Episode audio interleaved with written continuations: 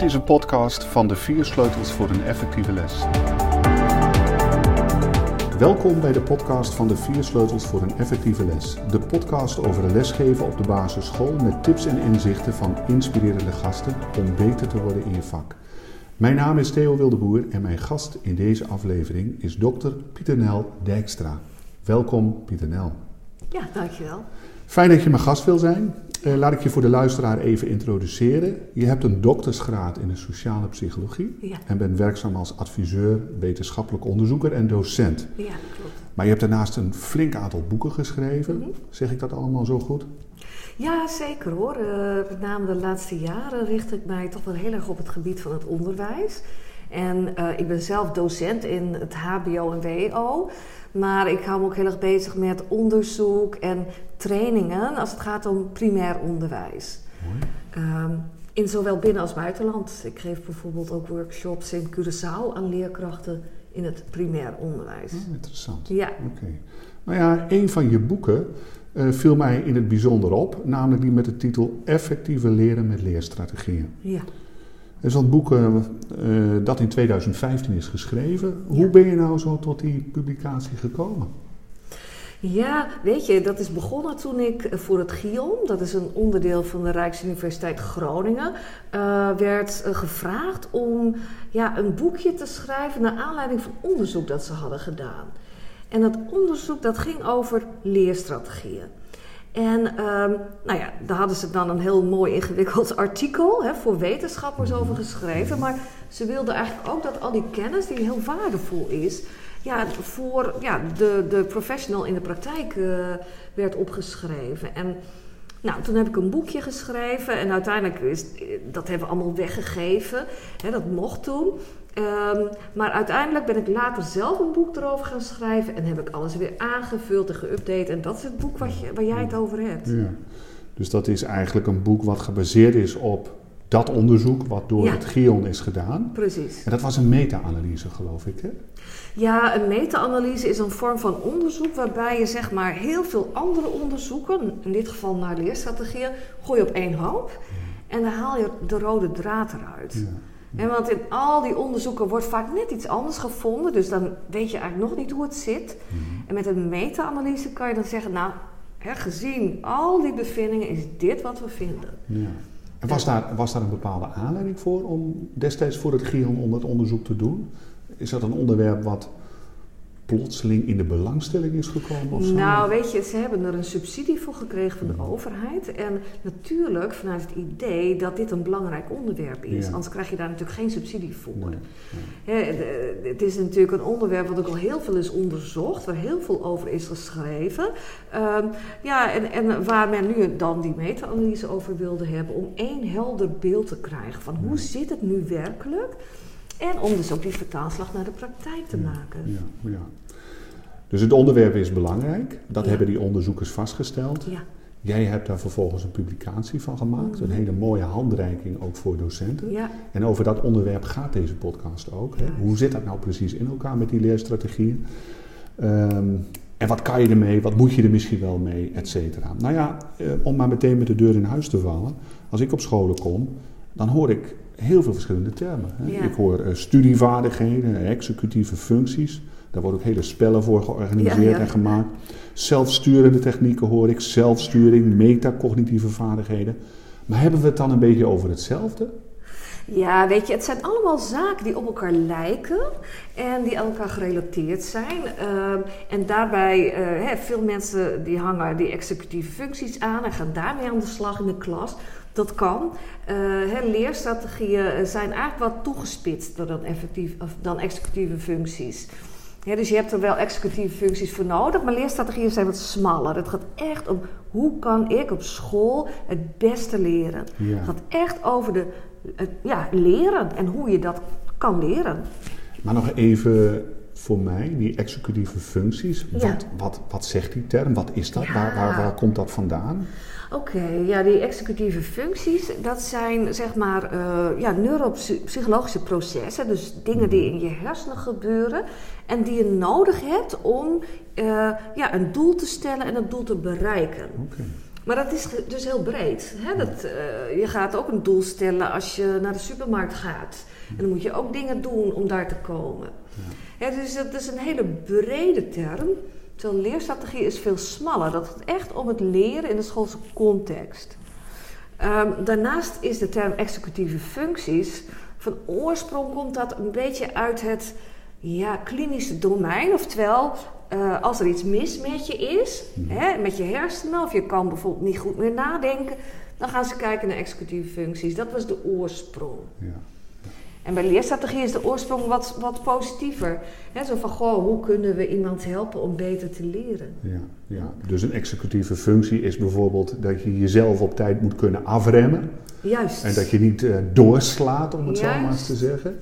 En dat is dan naar een leercontext vertaald in de zin van, nou ja, een leerstrategie bijvoorbeeld van, uh, ja jongens, denk even drie keer na voordat je aan deze taak begint. Wat moet je allemaal doen? Dat, Juist, dus die executieve functies die liggen eigenlijk onder de leerstrategieën. Alleen je hè, leerstrategie ligt dus wat dichter bij de praktijk van het lerende kind. Ja, ja. Dus als scholen met die spellen aan de slag zijn, waar met dikke letters op staat executieve functies, ja. dan is dat eigenlijk ja, iets wat uit de klinische psychologie komt, dus de behandelpsychologie, denk ik. Hè? Uh, maar dat zijn het nog niet per definitie leerfuncties. Nee, precies. Dat gaat veel breder. en de vraag is van, wat wil je als school meegeven? En ik denk dat het primair, uh, hè, dat docenten graag willen meegeven, hoe moet je leren? Hoe kan je het beste leren mm. hè, op school? Want dat is wel zo gericht, hè, om kinderen daarin te trainen. Ja. Dus je hebt een beperkte set aan executieve functies. Daar kun je allerlei leerfuncties uit afleiden. Juist. Ik geloof dat, dat jij, eh, als ik dat even goed uh, reproduceer, 14 stuks hebt beschreven. Ja. En binnen die 14 leerstrategieën heb je dan nog weer een stukje wat echt gaat over metacognitieve vaardigheden. Juist, ja, er zijn dan zeg maar drie leerstrategieën die echt te maken hebben met metacognitieve vaardigheden. En wat is dat dan, metacognitie? Nou, metacognitie is het vermogen om eigenlijk als een soort helikoptertje boven jezelf te hangen en boven je eigen leerproces. Mhm. dat je ook ehm, niet alleen maar uh, bezig bent, dus bijvoorbeeld aan het rekenen bent, maar ook eens even kijken van hé, hey, als je een rekentaak hebt, hoe ga ik dat plannen? En als ik bezig ben, hey, hoe, vraag ik mezelf af, hey, hoe gaat het? En misschien is het nodig dat ik bijstuur. En ook na de rekentaak, dat je zegt van hé, hey, uh, wat ging goed, wat ging niet goed. Ja, dus niet alleen maar bezig zijn met een taak, maar daar ook op reflecteren. En dat is eigenlijk ja, wat we, ja, dat is metacognitie. En daar hoort ook bij, hè, bij metacognitieve kennis, hoort ook echt bij dat je jezelf als leerling kent. Hè, dat is de leerstrategie jezelf kennen. Ja, dat is niet zozeer metacognitie. Dat is zeker metacognitie. Alleen het, zijn, het is meer met, metacognitieve kennis in plaats van metacognitieve ah, vaardigheden. Oké, dus daar zit ook nog weer een verschil in.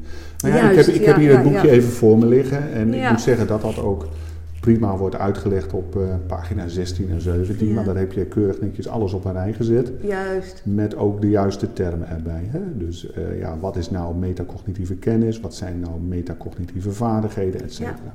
Ja. ja, nou oké. Dus dat is, uh, dat is duidelijk. Ja, ja precies. Ja. Um, ja, dus laten we zeggen, die leerstrategieën, dat is een brede set. 14 stuks. En daar zit ja, zitten een heleboel facetten uh, in, uh, zowel metacognitief als ook nou ja, wat meer praktische dingen, hè, van plannen, en, et cetera. Ja. Is er nou eentje, één leerstrategie bedoel ik dan, waarvan je zegt, kijk, dat is nou een hele belangrijke voor, mm -hmm. voor beter leren. Hè? Want ja. ja. de veronderstelling is, daar gaan we het zo dadelijk nog even over hebben, dat dat je ook effectiever leert met leerstrategieën. Dat is zelfs de titel van je boek. Juist. Is er nou eentje waarvan je zegt, kijk, daar moet je nou als leerkracht toch even heel erg alert op zijn? Ja, weet je, dat hangt ook een beetje af van de leeftijd. Maar ik mhm. vind zelf de leerstrategie het nut zien heel belangrijk. En eh, die leerstrategie houdt in dat kinderen zeg maar, ontdekken uh, waarom bepaalde leertaken belangrijk zijn om te doen. Want als je dat ontdekt, als je merkt van oké, ehm, eh, iets is hartstikke belangrijk, dan ga je ermee aan de slag. Ook al vind je dat misschien niet zo leuk. kijk, als een kind iets leuk vindt, gaat hij er automatisch wel mee aan de slag. Maar de uitdaging is natuurlijk als een kind iets niet zo leuk vindt. En als je dan een kind helpt om dat nut te ontdekken, om, om ja, de voordelen ervan te ontdekken. Van als je die taak beheerst, ja, dan werkt dat heel motiverend. Ja, dus dat doet iets met je motivatie. Ja, het is echt noodzakelijk voor de motivatie. En je ziet dat bij kleinere kinderen, uh, ja, die doen vaak nog wel wat de juf zegt. Maar naarmate die metacognitie bij kinderen zich ontwikkelt en ze zich ouder worden, ja, dan, dan gaan kinderen zich afvragen van, nou, waarom moet ik dit doen? Waarom zou ik het doen? Ja. ik kan ook iets anders gaan doen. Ik, ik hoorde ook eens een collega van jou zeggen, uh, die toch ook uh, echt uh, flink studie van dit onderwerp heeft gemaakt. Ja, motiveren is niet zozeer iets wat je aan de voorkant moet organiseren. Dat is veel met het resultaat van een goed verlopend leerproces. Ja, hij ziet het als een, een resultaat. Ja. ja. Of is het misschien allebei? Moet ja, het is denk ik allebei. Alleen ik, zou er heel, ik ben er heel erg voor om juist aan de voorkant kinderen al iets mee te geven waardoor ze een goede werkhouding hebben. Ja. want dat maakt het voor kinderen zelf ook leuker en ook voor de leerkracht. Precies. Dus als je bij kinderen al, als die het nut ontdekken van een bepaalde taak, gewoon vooraf, dan is dat geweldig. En je ziet soms ook dat ze aan het begin van de taak het nut nog niet zo kunnen zien, maar aan het eind wel. En dus het is ook een proces. Ja, Ik moet maar je kan daar wel op sturen. Oké, heel goed. Ik moet zeggen dat ik ook, uh, ik kom in veel klassen en ik uh, zie leerkrachten ook als ze een lesdoel stellen, ook heel vaak praten met die kinderen over het lesdoel. Waarom zou je dit nou leren? Wat heb je er eigenlijk aan? Dus dat is eigenlijk ook het punt waar we het hier over hebben. Dus jij benadrukt dat in het kader van, nou ja, wat je dan zegt, eh, de taakwaarde, hè? De, het nut zien. Ja. Dat is belangrijk om te doen, leerkrachten. Niet overheen stappen, niet klakkeloos een doel stellen en dan met de les beginnen, maar even met die kinderen. Ja, stilstaan. En dat hoeft natuurlijk echt niet bij elk klein taakje, dat je van elk taakje het nut moet gaan uitleggen of erover moet praten. Maar in grote lijnen wel geregeld dat onderwerp bespreken. En waarom doen we dit eigenlijk? En wat heel belangrijk is, is dat je het niet voorkoudt. Hè? Want uh, als docent weet je vaak heel goed wat het nut is. En dat je kinderen het zelf ja, over na laat denken en over laat praten. Want ja, dan zijn het hun eigen woorden. En als een leerkracht iets vertelt, ja, dat gaat soms het ene oor in en het andere weer uit. Je moet zorgen dat het blijft hangen. En dat doe je vooral door kinderen er zelf over na te laten denken. En nou ja, daar, daarvoor kun je als leerkracht natuurlijk allerlei vragen stellen. En die kinderen daartoe aanzetten. Precies, precies, precies. Oké, goed, mooi. Um, ja, nou ja, wat mij betreft toch ook wel een hele belangrijke vraag. De scholen die nou heel bewust met dat leerstrategieënverhaal aan de slag zijn. Mhm. Die bijvoorbeeld jouw boekje hebben of uh, nou ja, de materialen die je bij je boekje hebben. Daar straks denk ik nog wel even over. Of, of andere ingangen hè, uh, pakken. Hè, bijvoorbeeld die spellen rond executieve functies. Die zeggen, ja, uh, dit leidt tot betere schoolprestaties. Ja. want dat hebben ze dan gehoord of dat hebben ze van trainers gehoord enzovoort. hebben zij een punt? Ja, ze hebben zeker een punt hoor. En, en dan heb je het eigenlijk weer over die meta-analyse die het Gion heeft gedaan. En eh, dat onderzoek heeft aangetoond toch dat hè, naarmate leerlingen die leerstrategieën ja, in de vingers, meer in de vingers krijgen, ja, ze beter presteren en, en ook gemotiveerder zijn voor school. En dat, dat zijn gewoon harde onderzoeksfeiten uh, ja, waar je niet omheen kan. Dus het is zeker, die, die scholen hebben absoluut een punt. ja. Dus, want dat hoor ik dan weer minder vaak, want dan vraag ik wel eens aan die scholen, nou ja, oké, eh, ja. Heb je dat dan gemeten of zo? Hè? Was er een tijd dat je dat nog niet zo deed, expliciet, hè, met leerstrategie, en nu dan wel? En heb je dan uh, ja, betere opbrengsten vastgesteld? Mhm. Dat hoor ik scholen niet zo heel vaak zeggen, maar dat hebben onderzoekers wel vastgesteld. Die hebben... Ja, dat is zeker vastgesteld, maar het, dat scholen dat zelf niet vaststellen, snap ik wel, want dat is eigenlijk heel, heel ingewikkeld. Okay. dan moet je, je kan namelijk niet zomaar de situatie van voor de leerstrategieën vergelijken met daarna, want er gebeuren veel meer dingen op een school die tot verandering in leren kunnen leiden. Dus daar heb je hele ingewikkelde onderzoeksdesigns voor nodig.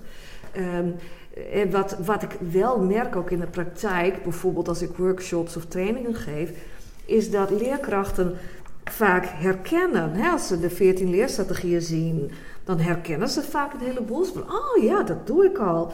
Maar sommige leerstrategieën zijn ook eye-openers. Dus dat ze zeggen van, hé, hey, daar valt voor mij nog iets te halen. En wat ze heel prettig vinden, is dat je. Dat ze gewoon wat meer grip lijken te krijgen op dat leerproces van die kinderen. van hoe help je die kinderen nou echt tot beter leren?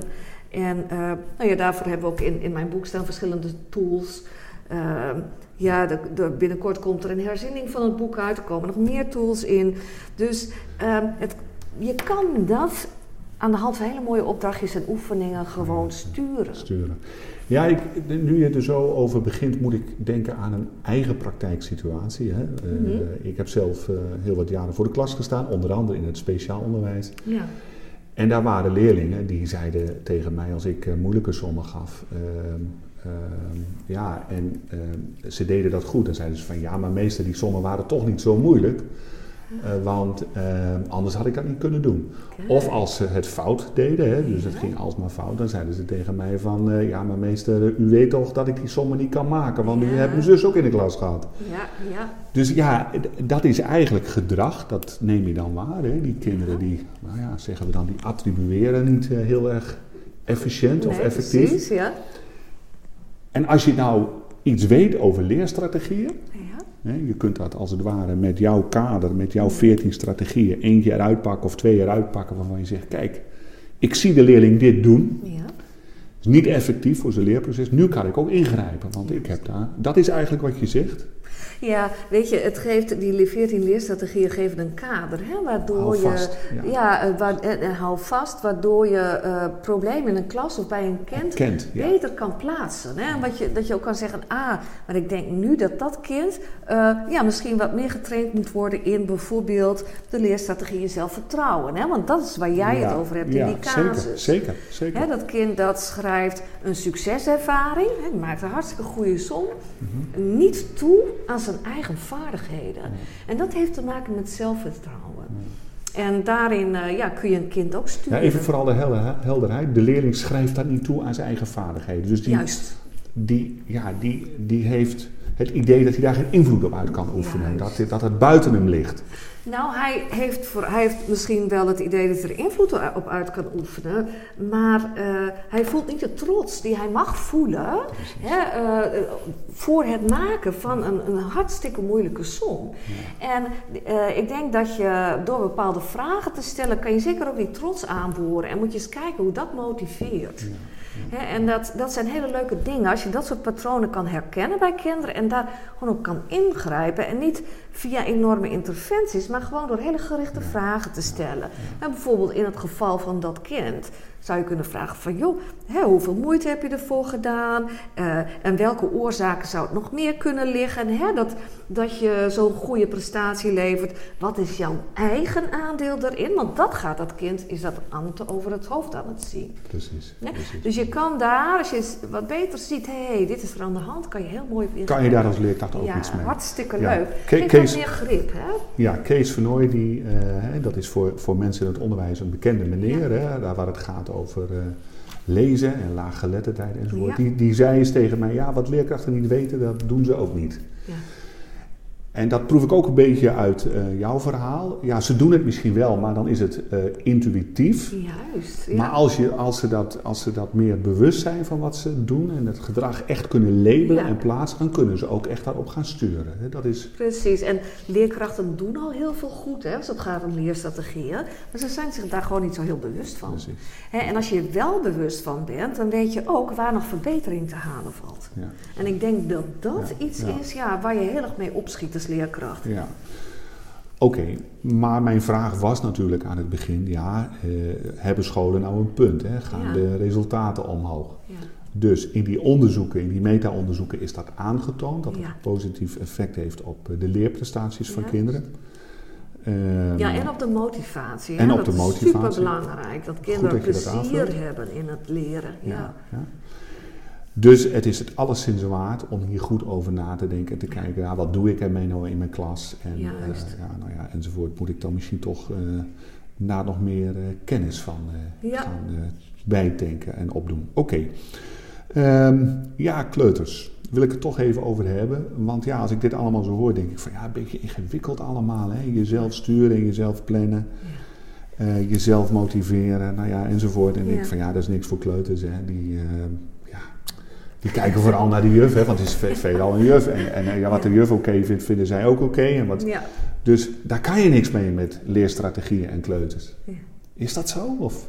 Nee, dat is natuurlijk niet zo. Hè. Het, het, eh, ik snap wel dat, je het, dat, je, dat dat soms zo kan voelen.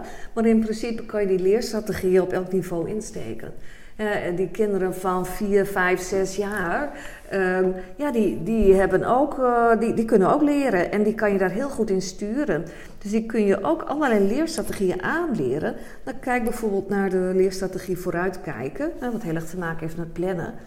Ja, je moet ze dan natuurlijk niet een hele ingewikkelde planning laten maken. Maar je kan ze wel laten nadenken van oké, dit is je taakje. Hè, waar staat straks de wijzer op de klok? Eh, hè, hoe, hoe lang denk je dat je ermee bezig bent? En op die manier kan Oh, je dat dat zie ik leerkrachten doen. Ik zie ja, gewoon fantastisch. Ja, Ja. daarom. En dat gebeurt ook wel. Ehm, andere ehm, ja, leerstrategieën, die worden minder bij kleuters toegepast. Maar het zou wel kunnen. Ja, als je het hebt over- nou, bijvoorbeeld bij je zelfvertrouwen.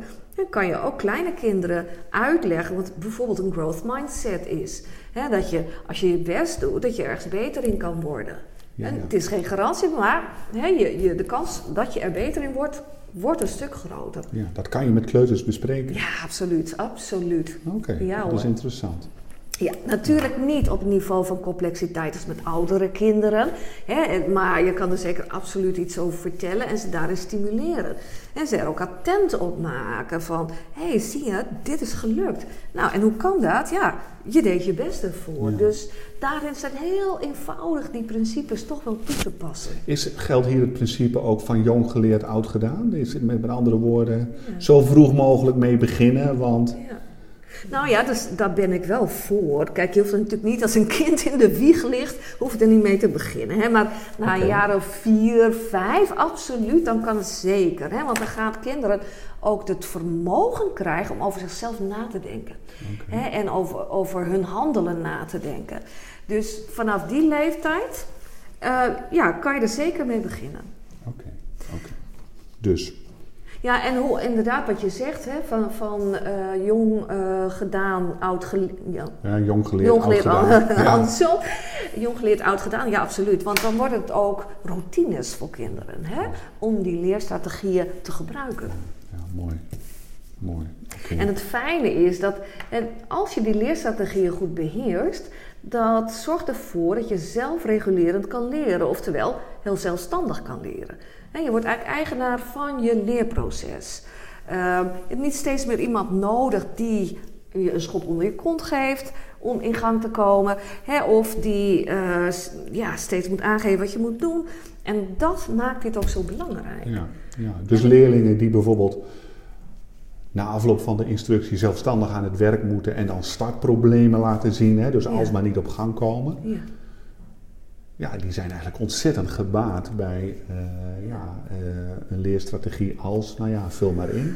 Ja, Eh, bijvoorbeeld als je jezelf organiseren, hè, dat is zo'n leerstrategie die heel erg te maken heeft met het kunnen reguleren van je impulsen. Ja. Hè, ga je nu een rondje rennen of blijf je op je plaats zitten om aan je taak te werken? Ja. Hè, dus, En zeker kinderen die, die niet op kunnen starten, hebben daar last hebben van. er last van. Ja. Ja, en dan is het ook inderdaad fijn dat je als leerkracht dat kunt plaatsen in Ja. een kader van deze leerfunctie. Precies. Van, ja, ik moet daar dus met die leerling mee aan de slag. hè? Juist. Oké, mooi.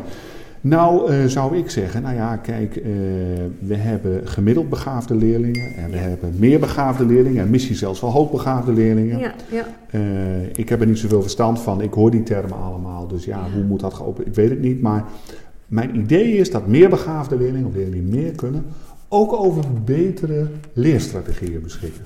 Want ja, hoe kom je anders zo ver? ja. Is dat ook zo? Nou, ik denk eerder dat het eh, tegenovergestelde eh, waar is. Eh, namelijk kinderen die heel slim zijn van nature, gewoon een hoog IQ hebben. Ehm, ja, die, die snappen dingen snel, die hebben vaak goed abstract inzicht of ruimtelijk inzicht, hebben een goed geheugen en daarmee kom je ook heel ver hè, met leren. Eh, maar het zorgt ervoor dat ze juist, omdat ze eigenlijk met twee vingers in de neus allemaal kunnen doen, dat ze nooit leren hoe je moet leren. Ze leren eigenlijk niet werken op school. Dus Dus eh, wat je dan ziet is dat die kinderen, nou dat kan heel lang goed gaan, maar je ziet op een gegeven moment dat ze stranden. Of in het voortgezet onderwijs of in het hoger onderwijs. Omdat je op een gegeven moment is het niet meer genoeg om alleen maar je, je snelle geheugen te gebruiken en je goede inzicht. Dan kom je er gewoon niet meer mee. En dan worden de boeken te dik. Of eh, ja, moet je opstellen schrijven of weet ik veel wat. En dan, moet je doorzetten. En dan moet je doorzetten, bijvoorbeeld. en als je altijd gewend bent dat dingen heel makkelijk gaan en ineens niet meer, ja, dan uh, kan het zijn dat deze kinderen uh, ja, toch afstromen naar een lager type onderwijs, uh, gebrek aan motivatie gaan vertonen en in zijn algemeenheid onderpresteren. Ja, ja. En dat komt eigenlijk omdat ze nooit echt genoodzaakt zijn geweest om leerstrategieën te gaan ontdekken en in te zetten. En dat moet dan alsnog gebeuren. Ja. En dan kunnen zij ook hun potentie waarmaken. Ja. maar uh, het is dus echt een misvatting dat als je slim bent, dat je dus wel heel goed kan leren. Waarschijnlijk niet. Leren, leren, ja. Ja, nou ja, je kan, je kan de dingen, je kan goede cijfers misschien halen, uh, maar uh, doe je dat op de juiste manier? Hè? Of is het alleen maar door je goede inzichten even snel doorkijken uh, van een stof en dan een toesmaken? Zijn we ons daar in het onderwijs, voor zover jij dat kan overzien, voldoende van bewust dat juist dan de meer begaafde, hoogbegaafde kinderen op dat punt kwetsbaar zijn? Hoe schat jij dat in? Ehm, nou, ik denk dat die herkenning wel steeds meer komt hoor. Um, dat hoogbegaafd, dat als je hoogbegaafd bent, dat je niet automatisch dus een succes bent op school. Dat, dat, dat dat toch vaak gepaard gaat met onderpresteren. Die herkenning is er wel veel hoor. Um, maar goed, dan moeten we ook niet doen alsof die leerstrategieën vooral belangrijk zijn voor hoogbegaafden. Want ze zijn minstens zo belangrijk voor kinderen aan de onderkant. en kinderen die bijvoorbeeld uh, leerproblemen hebben, ADHD, uh, eh, nou ja, al die vervelende dingen. als, je, als je de leerstrategie ook goed beheerst, kan je daarvoor een beetje compenseren voor die dingen, hè, voor die problemen. En bijvoorbeeld een kind dat ADHD heeft, eh, heeft misschien heel veel behoefte aan een training in de leerstrategie zelf organiseren. Mhm. Dus hoe ga ik om met mijn impulsen? Hè? Mhm. Dus, um, maar ook voor de gemiddelde leerling, wat dat ook mag wezen, is dit natuurlijk heel belangrijk om eruit te halen wat erin zit. Hè? Want die kinderen die kunnen ook onderpresteren, die kunnen veel meer in zich hebben dan ze laten zien. Ja. Alleen daar is vaak weinig aandacht voor, want ja, ach, ze halen het zo ook wel. En dat vind ik persoonlijk heel jammer. Ja. Mag ik dat zo zeggen? Je bent een gemiddelde leerling, maar je beschikt eigenlijk over uh, heel veel vaardigheden op het terrein van de toepassing van leerstrategie als kind. Dan ben je misschien wel beter uit dan wanneer je een hoogbegaafd of meer begaafd kind bent. En ja, je, je hebt problemen met jezelf sturen of over jezelf nadenken. Ja, maar dat denk ik zeker hoor. Want als je die leerstrategieën goed beheerst, dan heb je je hele leven wat aan. Mhm. En wat jij net ook zei, van dat doorzetten bijvoorbeeld, jezelf kunnen motiveren om iets te doen. Ook al vind je dat misschien helemaal niet zo leuk, hè, wat je moet doen. Maar als je dat toch kan opbrengen en jezelf daardoor heen kan loodsen, dat is een enorme kracht. Ja. terwijl als je denkt dat alles eh, leuk moet zijn of in één keer goed moet gaan, ja, dan kun je nog zo slim zijn, maar dan kom je ook niet zo ver. Oké. Ehm, nou, we zitten al flink in het onderwerp, denk ik. Ja. Uh, nog even met jou praten over: moet je dit nou in de les gewoon tussentijds doornemen of toch echt gaan trainen met kinderen? Wat is het beste? Ja, dat kan uh, eigenlijk op verschillende manieren. Je kan uh, kinderen uh, ja, expliciet uitleggen wat zijn leerstrategieën, welke zijn er, hoe gebruik je ze, wanneer gebruik je ze. Dat zie ik op steeds meer scholen gebeuren. Ja, nou dat is heel mooi. maar je kan het ook wat meer impliciet doen hoor. Bijvoorbeeld door bepaalde vragen te stellen of opdrachtjes te geven zonder het heel erg te benoemen. Maar dan leren kinderen meer onbewust, zeg maar, om, oh ja, zo kan ik het ook aanpakken, of ik dan kan dit doen. Weet je, het is ook maar net uh, uh, ja, waar je eigen voorkeuren liggen als leerkracht, wat je daarover als team afspreekt en wat je vindt dat het beste past bij de groep precies, kinderen. Precies. Daar heb je ook materialen voor. Uh, kun jij, ja. bij het boek heb je materialen gemaakt om ook ja, leerkrachten met dit onderwerp te laten stoeien of aan de slag te zetten? Ja, zeker hoor. Want ik, kijk, leerkrachten hebben natuurlijk al hartstikke druk. Dus, uh, hè, ja, dat is precies. Dat is zo'n punt. Hè. Komt dit er ook nog bij? En dan moeten we dit nou ook nog doen. Hè, dus uh, wat we hebben gedaan... Ik, nou, ik heb het boek geschreven met daarin heel veel praktische oefeningen. Er is ook een set trainingskaarten die je kan gebruiken in de klas. Uh, ja, dan kan je bijvoorbeeld, uh, dat hoef je helemaal niet eerst uitgebreid uit te leggen aan de kinderen, maar je kan kinderen gewoon in groepjes aan de slag laten gaan met verschillende kaarten. En op die kaarten staan opdrachtjes die de kinderen doen uh, in het kader van een bepaalde leerstrategie. Okay. Dus als docent kan je achteroverleunen. Laat de kinderen het vooral doen. Hè. Het zweet moet wel op hun rug staan, hè, niet op het jouwe. Um, maar er zijn heel veel speelse manieren om het te gaan doen. Ja, om, om, die kinderen bekend te, te stellen en kinderen zich daarvan bewust te ja, maken. Ja, precies. Oké. Nou, uh, en dat was eigenlijk ook de aanleiding voor dit gesprek. Uh, dat is de test die nu op de markt is. Of nog moet komen, dat weet ik niet. Maar ik meende dat dat... Uh, ja, hij is deze week net verschenen. Hij is verschenen. Ja. Wat is dat voor test, Pieter Nel? Want ja, dat vind ik wel interessant. Nou ja, dat is ook interessant. Hè? Eh, je kunt natuurlijk de vraag stellen van ja, hoe, hoe herken je nou aan een kind in hoeverre hij of zij die leerstrategieën beheerst? En daar hebben we nu een, uh, in samenwerking met de Rijksuniversiteit Groningen een psychologische test voor ontwikkeld. En die heet de Nederlandse vragenlijst effectieve leerstrategieën. Um, die kan je afnemen. Het is bedoeld voor kinderen in groep 7 en 8 en in voor kinderen in groep 1, 2, 3 van het voortgezet onderwijs. En uh, als kinderen die test invullen, krijg je daar een bepaald scorepatroon uit. En kan je kijken um, in hoeverre een kind die leerstrategieën al beheerst. Dan kan je dus zien van hé, hey, dit zijn de sterke kant, kanten van het kind in termen van leerstrategieën. En hé, hey, hier valt nog wat te winnen. Het is een vragenlijst die door kinderen zelf wordt ingevuld of ook door uh, docenten, Nee, weet je, eh, als, als, uh, het kind vult de vragenlijst zelf in mm-hmm. en, als, uh, en dat gaat digitaal. en de docent krijgt dan zeg maar de uitslag. Okay. En die kan daar van alles mee doen. Um, en daarnaast kan je natuurlijk ook altijd nog kijken naar het gedrag van een kind. Hè? Dus welke aanwijzingen zie je daarin?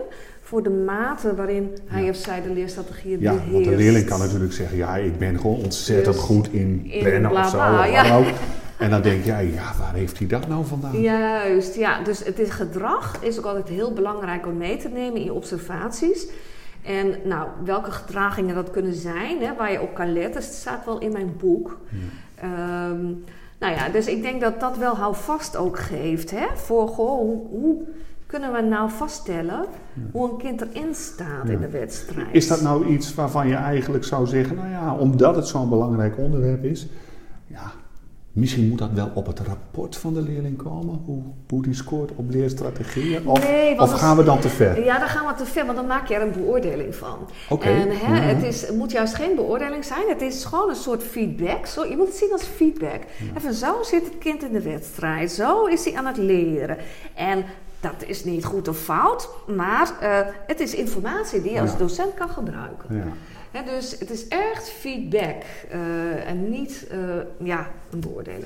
Het helpt je om het gedrag wat je ziet wat meer te objectiveren, wat te systematiseren, wat grip op te krijgen. Hé, hey, dit valt mij op, ik moet het zus, ik moet het zo. En dan roleren er heel veel tests hoor, op internet bijvoorbeeld. Maar ja, daar waarschuw ik altijd voor. Um, deze test is valide en betrouwbaar. Ja, Terwijl, dat wil ik inderdaad even vragen. aan de eisen daarvoor. Oké, dus er is een, uh, een onderzoek gedaan naar... Nou ja, een, een uh, respondentenonderzoek hè, om te kijken hoe het met die normscores en zo zit. Juist, ja. Oké. Ja hoor, dus dat is al, de, de, test is afgenomen onder honderden kinderen al, hè, voordat we hem op de markt brachten. Ja. En zodat je zeker weet van nou, zijn dit betrouwbare vragen? Slaat het überhaupt ergens op wat we aan het meten zijn? Nou, conclusie is ja, dit klopt. Hè, en we meten wat we beweren te meten. Ja. En die test uh, is net nieuw, maar heb je al wat terugkoppeling daarop gehad van mensen die hem hebben ingevuld of leerlingen die hem hebben ingevuld? Of, of nee, dat ligt bij de uitgever en die heeft natuurlijk van al die honderden kinderen die het hebben ingevuld wel allerlei terugkoppelingen gehad. En we gaan nu binnenkort nog een extra onderzoekje doen in groep 7 en 8. Uh, ook weer te kijken van hé, hey, wat vinden de kinderen ervan? Uh, en uh, ja, is er nog iets wat we kunnen verbeteren aan de test? Dus maar het is echt een proces, je blijft hem steeds aanscherpen. Oké, interessant. Dus dat is een mooie, ja, mooie toevoeging, een mooi nieuw stuk gereedschap voor leerkrachten. Zeker ook in, in uh, aanloop naar bijvoorbeeld uh, CITO-scores of uh, een, over, een, een, advies voor een voortgezet onderwijs. Ja. Wil je gewoon eigenlijk wel een advies baseren op wat een kind in potentie heeft. He, en dan helpen die leerstrategieën daar enorm bij. Ja, dat is een stukje extra informatie om ook, nou, laten we zeggen, een risico-inschatting te kunnen maken. Juist. Of een kanseninschatting te maken. Ja. Misschien is dat beter als ik het zo zeg. Juist. Van wat zou nou, ja. Okay. Ja, want als een kind uh, nou, het advies uh, HAVO, VWO krijgt bijvoorbeeld. Maar je ziet dat hij echt laag scoort op heel veel leerstrategieën. Is dat een risicofactor? Is dat een risico? Ja. He, terwijl als een kind al heel netjes allerlei leerstrategieën inzet en beheerst. Dan kan je daar eigenlijk wat meer op vertrouwen van, oh ja, dit is het niveau. En dit kan hij misschien wel zo vast blijven houden, want hij weet hoe hij moet leren. Ja. Heel interessant. Nou, um, ja, ik denk dat we moeten afronden. Ja. Um, ga jij nou door met het publiceren over de leerstrategieën? Nou ja, dat is uh, wel de bedoeling. Ja, ja, ja dat komt uh, volgend jaar denk ik een uh, herziene druk. Mm -hmm. dus van het boek Effectieve Leren. Um, daarnaast heb ik ook een versie van het boek geschreven voor uh, studenten in het hoger onderwijs. Mm -hmm. Want je ziet dat daar ook heel veel uitval is en studiestress. En dat komt vaak ook doordat studenten eigenlijk nooit goed hebben leren leren. Ja. En dus ja. daar is het ook nog voelbaar. Ja, hè? Ja. Maar goed, als we nu met z'n allen beginnen op de basisschool en iedereen toerusten, zo vroeg mogelijk, ben je dat soort ellende ook voor. Ja, dus de belangen zijn groot. Hè? Ja, dus, uh, zeker. Bekijk dit echt heel serieus, dit onderwerp. Kijk wat je hier als leerkracht, als school mee moet. Ja. Nou ja, mooi. Uh, ik denk een sluitend verhaal. En het is nu aan de luisteraar om nu verder te kijken, wat gaan we hiermee doen? Juist. Ik wil je ontzettend bedanken, Pieter Nel, voor je tijd. Fijn dat je mee wilde werken aan deze uitzending. Ja. Um, je gaat ermee door, dus we kunnen je ook volgen. Je hebt uh, mij wat websites en dergelijke doorgegeven ja. en wat uh, publicaties. Die gaan wij even plaatsen bij de podcast. Dus Mooi. dan kunnen mensen daar uh, jou verder terugvinden. Nou, um, hebben we alles gehad? Ik dacht het wel, hè? Ja, dacht ik ook. Misschien nog die vraag van juf Els, dat was het. Nou, dat is een goeie, want ja. die gaan we natuurlijk helemaal vergeten. Nou, Ja. juf Esther, om precies Esther, te zijn. sorry. Nee, dat is wel inderdaad een hele interessante. Want ik had inderdaad in het LinkedIn-verhaal... Ja. had ik een oproep gedaan... Ja, om, eh, als je nou een vraag hebt, om dat even aan mij te laten weten. Kon ik hem Ja. aan je voor. Nou ja, juf Esther, groep 5, vijf. basisschool op weg in Ooi. Ja, Prachtige omgeving. Die zegt van ja, maar ik heb het idee dat het werken met die leerfuncties ontzettend belangrijk is. Vooral in deze tijd, want ik zie gewoon kinderen binnenkomen die alsmaar zwakker lijken te presteren als het gaat om leerstrategieën. ja. Zichzelf organiseren, structureren, even nadenken voordat je wat doet enzovoort. ja. Ja, leren ze dat thuis nog wel? De ouders soms ook niet, hè, zegt ze. Dus, dus ja, die kinderen nemen dat mee. Ja. Heeft zij een punt? Nou, ik, ik denk het wel. Kijk, als je kijkt naar de manier waarop kinderen worden opgevoed, eh, hè, anno eh, ja, 2019, is het natuurlijk heel anders dan bijvoorbeeld 20, 30 jaar geleden. Hè, het is nu eh, wat vrijer, de opvoedingsstijl. Kinderen mogen meer. ehm, en moeten minder, althans als ze klein zijn. En op een gegeven moment komen daar natuurlijk wel allerlei dingen bij, zoals tennissen, eh, schoolzwemmen, et cetera. Maar wat er thuis is de situatie vaak zo dat ouders minder streng zijn en dat er meer mag. Eh, eh, eh, net is minder directief, de ouders. En dat heeft Begrenzend. minder begrenzend. En dat heeft voordelen hoor, maar ook heel veel nadelen. En ik denk als, dat als het gaat om hele, met name die hele praktische leerstrategieën, zo, hè, wat, je, wat je net zei, van ehm, eh, ja, structureren bijvoorbeeld, of eh, vooruit kennen, kijken, hè, dus kunnen plannen. Ja, dat dat misschien minder wordt meegegeven van huis uit. Ja. Hè, dat er toch heel veel mag. Ja, ja. Dus des te meer reden om kritisch te kijken, goed te kijken naar de kinderen die binnenkomen op de school. Wat hebben ze aan bagage op Ja. dit terrein? Want op zich zijn kinderen, die kunnen dit ook heel makkelijk weer oppakken hoor. Ik bedoel, ze zijn hartstikke flexibel. Eh, dus eh, ik denk dat als je dat op school meegeeft, en dat hoor ik ook wel hoor, dat, dat kinderen ook thuis dat gedrag wel gaan vertonen. Ook georganiseerder worden of meer gaan opruimen of eh, ja, meer gestructureerd te werk gaan. Eh, dank Pieter Nel dat je Ja. mij nog even op scherp zet ten aanzien van deze vraag. Want ik had Ja. hem niet willen missen. Eh, dus eh, mooi dat we dit nog even hebben kunnen bespreken. Nou, dan sluiten we nu af. goed. Dank nogmaals. Ja, graag en we horen graag weer van je. Ja, Dit was een podcast van de vier sleutels voor een effectieve les. Met als gast Dr. Pieter Nel Dijkstra. Wil je meer podcast over lesgeven op de basisschool horen? Bezoek dan onze website www.deviersleutels.nl